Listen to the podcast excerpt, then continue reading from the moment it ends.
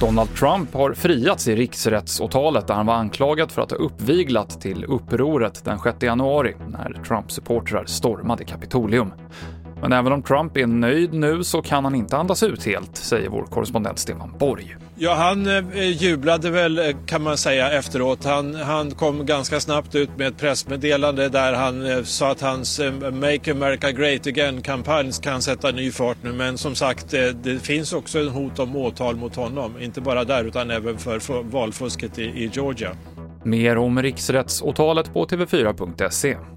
Idag så börjar de nya coronareglerna gälla kring längre buss och tågresor. Bara hälften av sätena får nu användas på resor som är längre än 15 mil.